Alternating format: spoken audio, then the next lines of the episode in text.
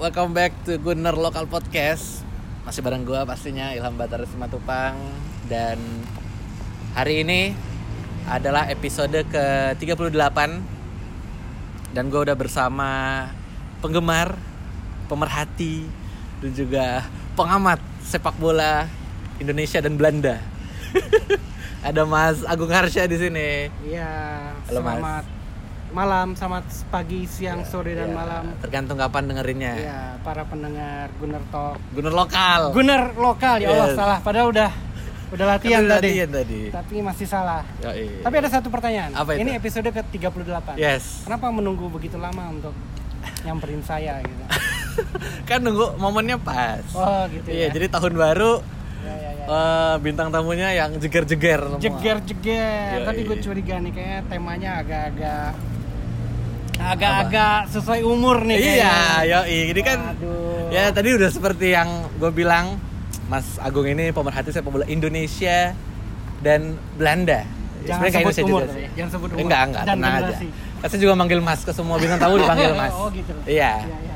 Jadi eh, Mas Agung ini kan kita kan pernah ngobrol dulu kan katanya juga ngefans sama Arsenal dulu sih parah sih sekarang udah hijrah jadi fans Hijrah. fans apa sih mas fans Sebenarnya secara umum ngikutinnya timnas Belanda. oke Ngikutin sepak bola Belanda. Ini flashback ya, Iya. sekaligus mengklarifikasi Oke. informasi yang saudara sampaikan. Oke, siap.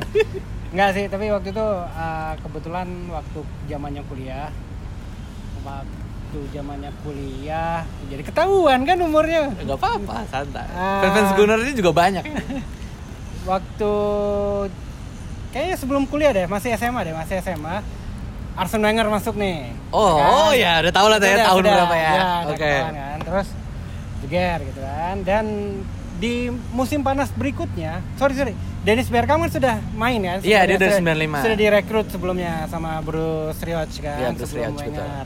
Dari Inter. yang saya ketukar itu Mark Overmars soalnya salah satu rekrutan pertama uh, Wenger. Wenger. kan Overmars Ya. di musim panas berikutnya dia ngangkut Overmars ya dan otomatis dengan Bergkamp dan Overmars bermain bersama di satu tim itu saya mengikutilah Arsenal. Oh gitu.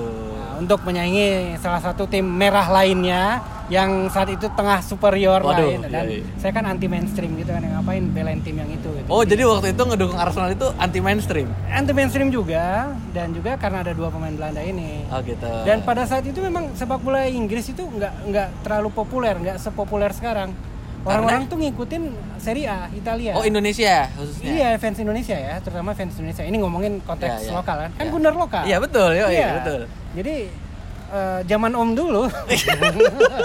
Jadi eh, orang-orang tuh ngikutin Serie A, Juventus, Oh, Milan, iya. Inter. Iya, iya, karena dulu emang yang Parma. disiarin- yang disiarin duluan kan eh, Serie A, Iya, apalagi setelah Piala Dunia 90. Oh ya Nah, oke. setelah Euro 96 di Inggris kan dimainin, nah itu iya. mulai mulai menapak naik setelah 2000-an tuh baru sudah eh, jauh tuh IPL meninggalkan Serie A oh gitu karena jam-jam tayangnya masih sangat-sangat ini sih sangat-sangat friendly buat pemirsa Indonesia. iya karena Liga Inggris biasanya jam Tapi sebelum itu nggak ada yang nonton, nggak ada yang nonton Liga Inggris.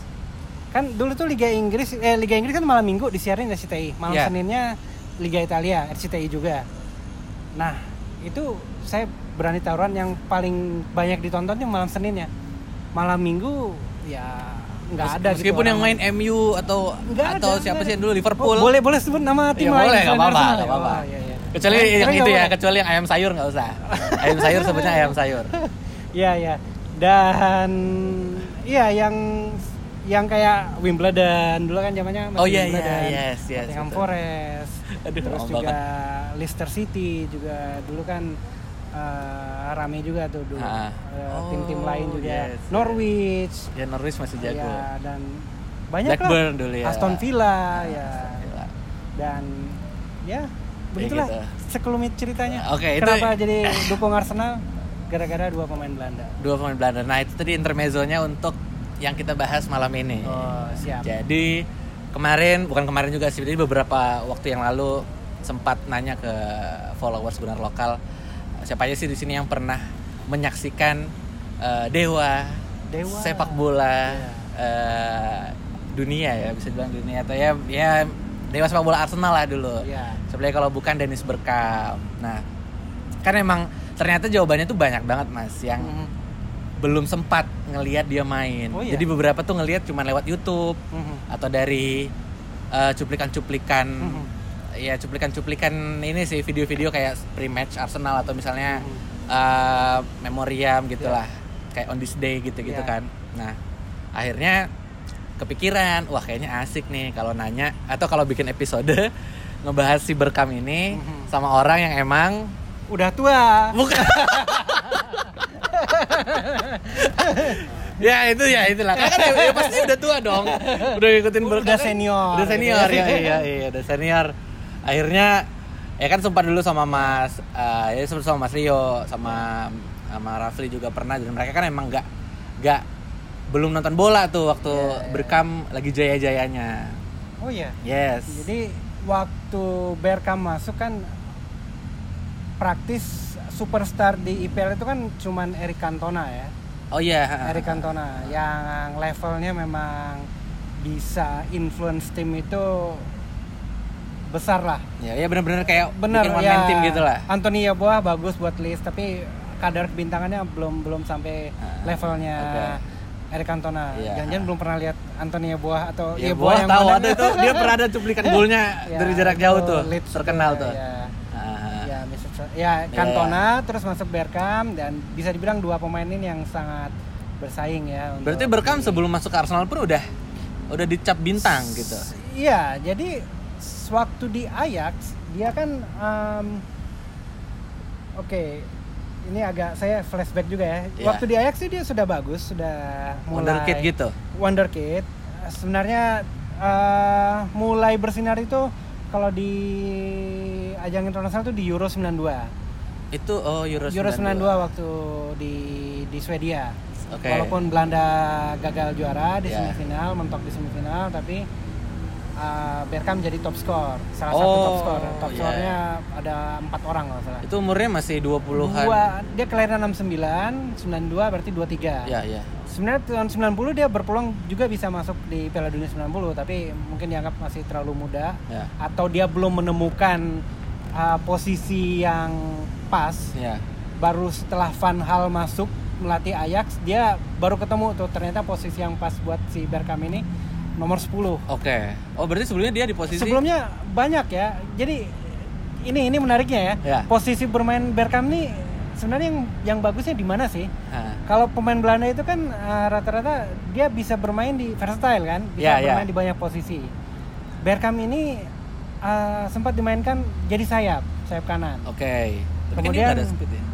nggak ada speed nggak ada speed Hah. tapi tapi kalau di Euro 92 kalau dilihat itu tengahnya sudah ada misalnya Ricard Oh. ada Ruud Gullit Ya, ya. ada Van Basten Ya, ya. dia di, dimainin di sayap kanan Oke, oke. waktu itu karena saking penuhnya Skuad Belanda. skuad Belanda saat itu yang harusnya juara sih kalau lihat materinya Aduh, saya nggak tahu. Ada ada Witzke juga Richard Witzke waktu itu jadi sih, apa sih? ya Oke. Iya. Oke, ya lanjut Mas, lanjut. ya, ya. nanti ada CCTV Ya, nanti ya. bisa di Google ya teman-teman kalau nggak tahu namanya. Nah, Bergkamp main di sayap. Kemudian Van Hal masuk di 91 kalau nggak salah ya.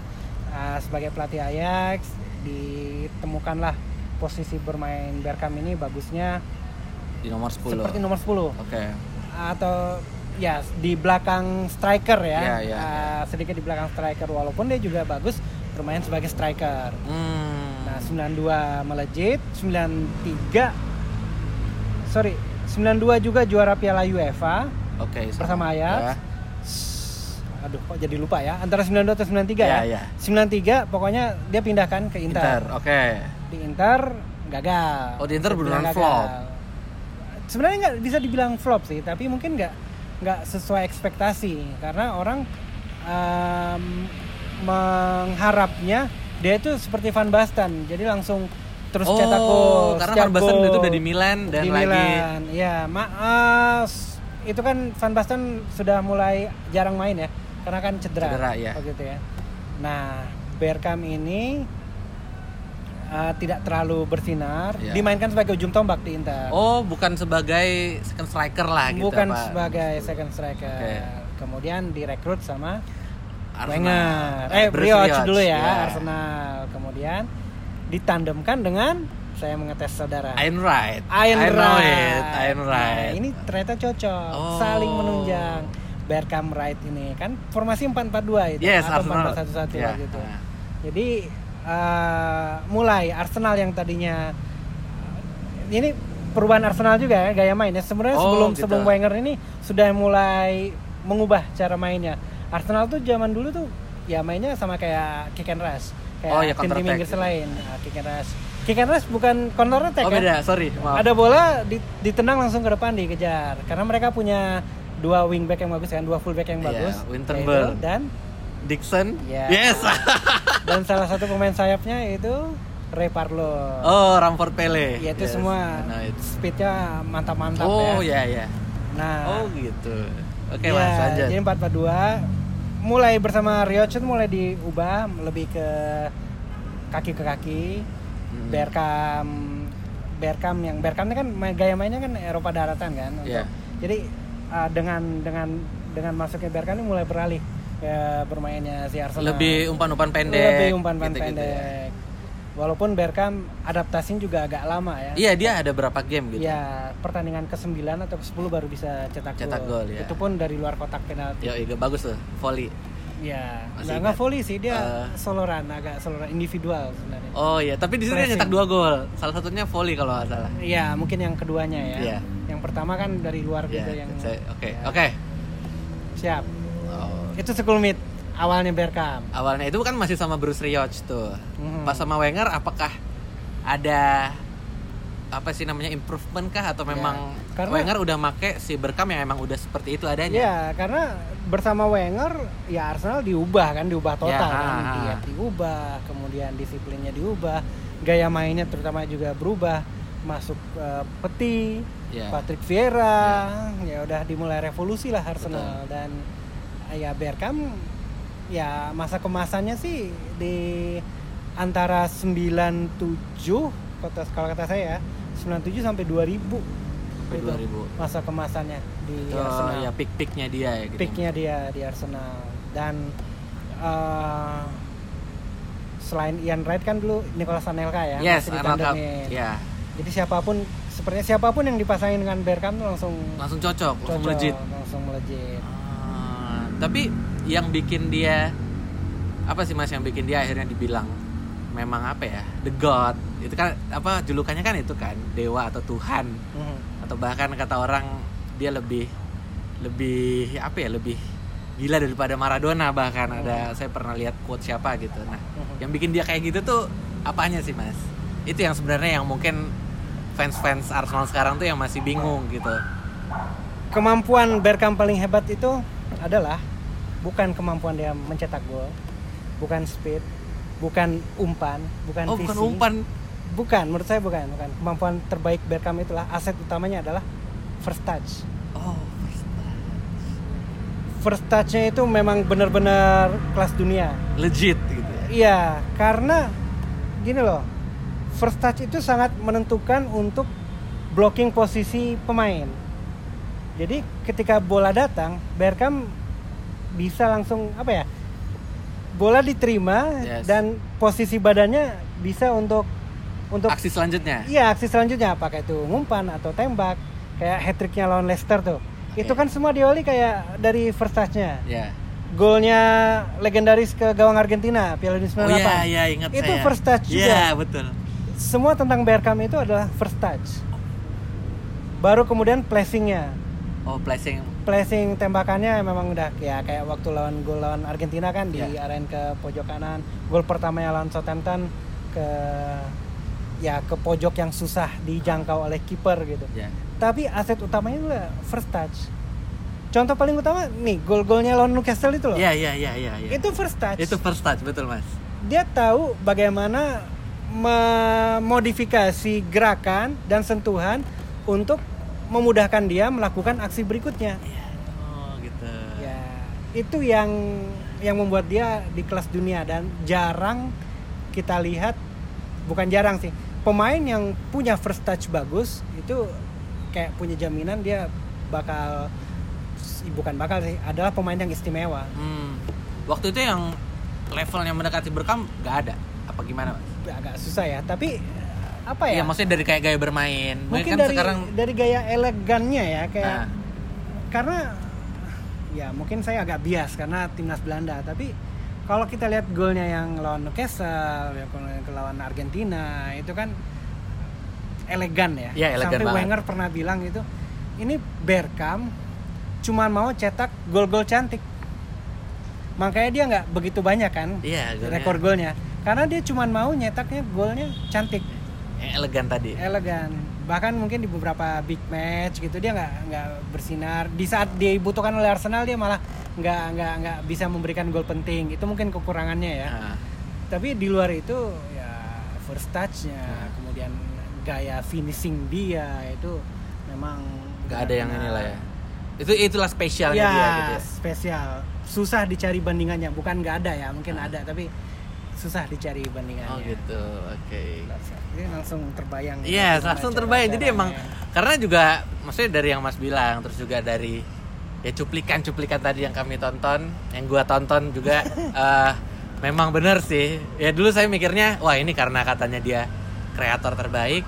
Kayaknya tadi kekuatan utamanya itu ya umpan itu. Tapi ternyata setelah Mas kasih tahu adalah first touch-nya itu valid juga sih. Iya. Istilah. Jadi di biografinya Bergkamp dia juga Stillness bilang, and speed ya. nah stillness and speed wajib dibaca untuk semua gunner lokal.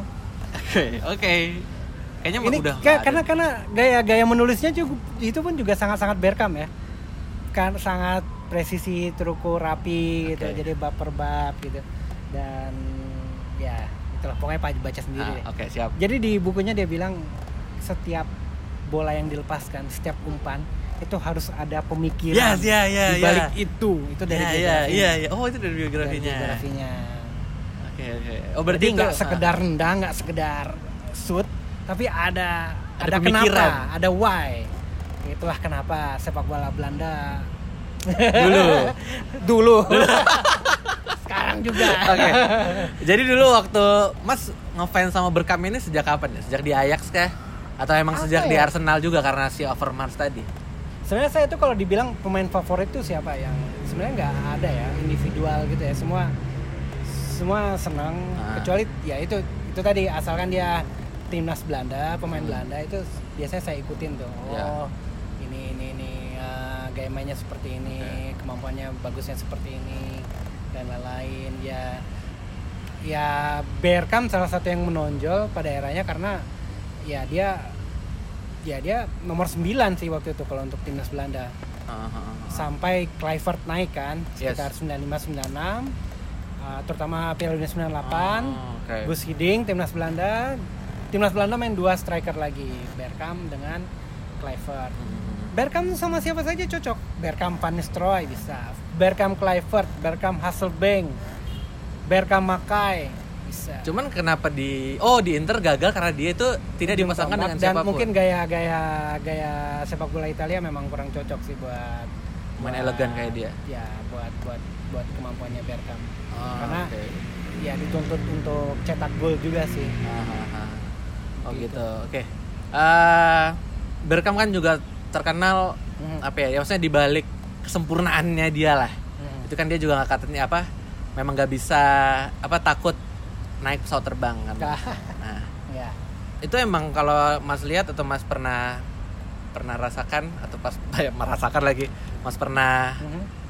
eh, inilah pas pernah experience itu dia kalau yang itu emang merugikan banget gak untuk tim atau Eh, sebenarnya itu Itu nggak kan- masalah-masalah banget? Eh, itu kan dia bilang takut naik pesawat itu setelah Piala Dunia 94 Piala Dunia 94 kan di Amerika. Iya ke mana-mana memang harus naik pesawat Oke. ya. dan setelah dari situ katanya dia trauma naik pesawat karena ada candaan eh, bom ya gitu. canda bom terus juga mungkin pengalaman di pesawatnya nggak menyenangkan buat dia dan eh, akhirnya untung Piala Dunia 98 kan di Perancis jadi Oh, yang lain pada naik pesawat dia naik kereta karena emang bisa ya aksesnya waktu semifinal kan kalah dari Brasil ya di di Marseille apa di mana ya lupa apa di Paris ya Hmm. semifinalnya. Nah, terus di perebutan tempat ketiganya itu di Monaco. Oke. Yang lain pada naik pesawat dia naik helikopter. Eh sorry, kok naik helikopter nggak mungkin ya? Sama aja. Naik naik kereta atau Oh, mobil. ha. Jadi kecapean juga di situ dan kadang memang ini menyulitkan. eh, ya kan kalau di level top sepak bola profesional kan kita tuh harus benar-benar tampil dalam kondisi terbaik gitu Ya. kondisi fitness. Kalau misalnya Wenger waktu final Champions walaupun Iya. dia udah tua juga kan 2006. Tapi kan dia kan. masih ya, first team masih itu. bisa. Kan di Paris. Ah. Dia pasti jarak jauh tuh naik entah berapa kali naik mobil atau Uber atau Grab waktu itu atau Gojek gitu kan, naik kereta. Ah, ya otomatis kan kondisinya nggak kondisi fisiknya kan dipertanyakan kan. Iya, iya, iya, iya. Jadi ya salah satu bisa jadi salah satu faktor juga kenapa pelatih nggak mau mainin dia karena kondisi fisiknya nggak begitu bagus. Iya, iya. Memang Harus menempuh perjalanan panjang. Ya, ya, ya. Dan itu setelah jadi pemain sekarang kan juga menyulitkan kan kalau dia jadi pelatih dia Iya. mau melatih gimana coba mau nanganin Main tim away. gitu kan iya Ya, walaupun mungkin- Arsenal sekarang main di Liga Eropa ya Ya, dia juga pernah bilang sih emang kan dia sekarang kan di bagian di Ajax juga kan, maksudnya di bagian oh enggak sudah enggak Oh, udah enggak. Udah enggak. Ya, dari saya enggak ya, update, Mas. long story short, jadi sempat gabung, di, jadi asisten pelatih waktu masih debur, Ah, sempat sama Erik Ten Hag waktu Ayak sudah dilatih Erik Ten Hag udah sama itu juga masih gabung salah satu staf kepelatihan tapi ya ada yang tidak cocok akhirnya dia nganggur sekarang. ah, sedih juga sih ya. Tapi oke lah tadi udah udah ngobrolin tentang gaya bermainnya si Berkam terus Mhm. juga gimana dia bisa ya apa ya?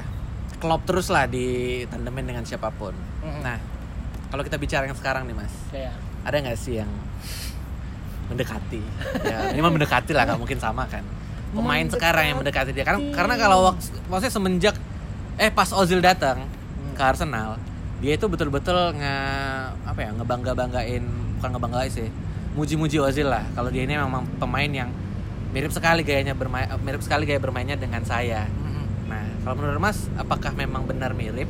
Atau ada pemain lain yang lebih mirip dengan si Bergkamp? Ini pertanyaannya sulit-sulit gampang. Gampang-gampang sulit. Sebenarnya Maksudnya kan sebagai pemerhati Ya, sepak tapi bola. kalau melihat gaya main elegannya dia, sebenarnya belum ini ya, belum ada lagi yang yang seperti dia, yang punya kemampuan seperti dia. Karena yang ya kalau saya lihat sih first touch-nya itu kan, Ya. belum ada pemain yang bisa yang first touch-nya sebagus sebagus Bergkamp. Berkam.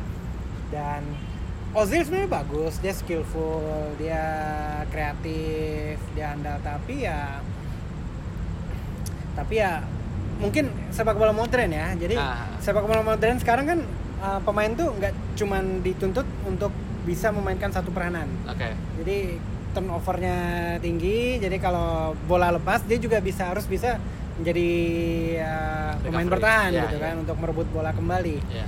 mungkin dengan ya dengan kondisi yang seperti itu agak sulit menya- mencari mencari yang sebanding dengan Bergkamp. Hmm, karena memang ya gaya sepak bola juga berbeda sekarang ya. Iya, betul. Oke.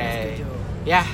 Oke, Guns, itu tadi ya cerita singkat atau nostalgia singkat tentang Dennis Bergkamp eh, waktu dia lagi jaya-jayanya di Arsenal bareng Mas Agung Harsha. Thank you Mas udah mau berbagi cerita Siap. dengan Gunners-Gunners terutama followers Gunners lokal dan pendengar Mungkin podcast. episode berikutnya tentang Mark Overmars nih kayaknya. Oh boleh, boleh, boleh banget. Mungkin kayaknya kalau Overmars Atau- lebih lebih dalam ya. Eh, ya, bisa.